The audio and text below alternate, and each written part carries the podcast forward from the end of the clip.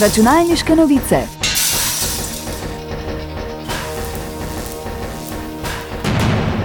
Prisluhnite novostim in zanimivostim z področja računalništva.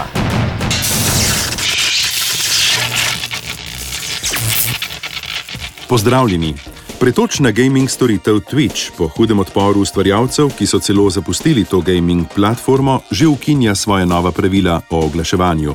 Twitch, ki je v lasti podjetja Amazon, je namreč napovedal, da bo omejil velikost in vrsto oglasov, ki jih uporabljajo ustvarjalci. Zdaj je to politiko opustil, vendar pa niso bila odpravljena vsa nova kontroverzna pravila, na kar so opozorili številni večji ustvarjalci. Nova pravila bi pomenila, da ustvarjalci ne bi smeli neposredno ugrajevati oglasov, ne glede na to, ali gre za videoposnetke, zvočne ali druge oglase.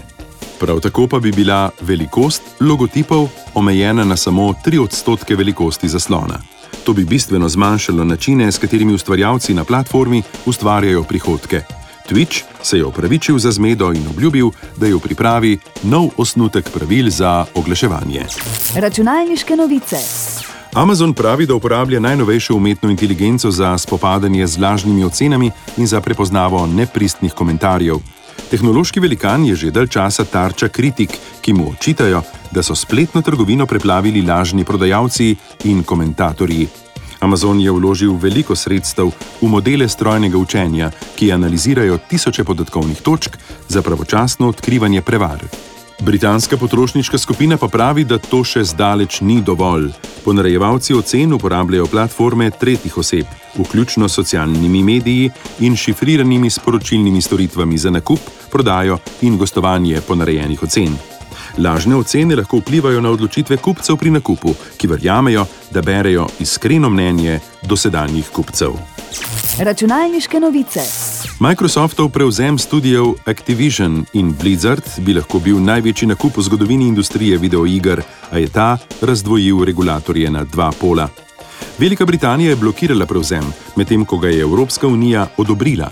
Da bi se lahko dogovor izvedel, morata Microsoft in Activision pridobiti odobritev regulatorjev v Veliki Britaniji, Evropski uniji in Združenih državah Amerike. Federalna trgovska komisija nasprotuje prevzemu, ker ne bi ta negativno vplival na konkurenčnost trga. Microsoft je izjavil, da bi prevzem koristil tako igralcem, kot tudi ostalim podjetjem.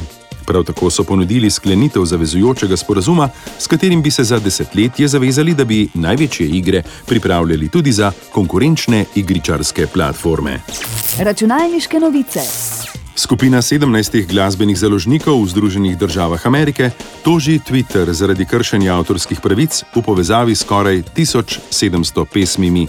Nacionalno združenje glasbenih založnikov zahteva več kot 250 milijonov dolarjev odškodnine.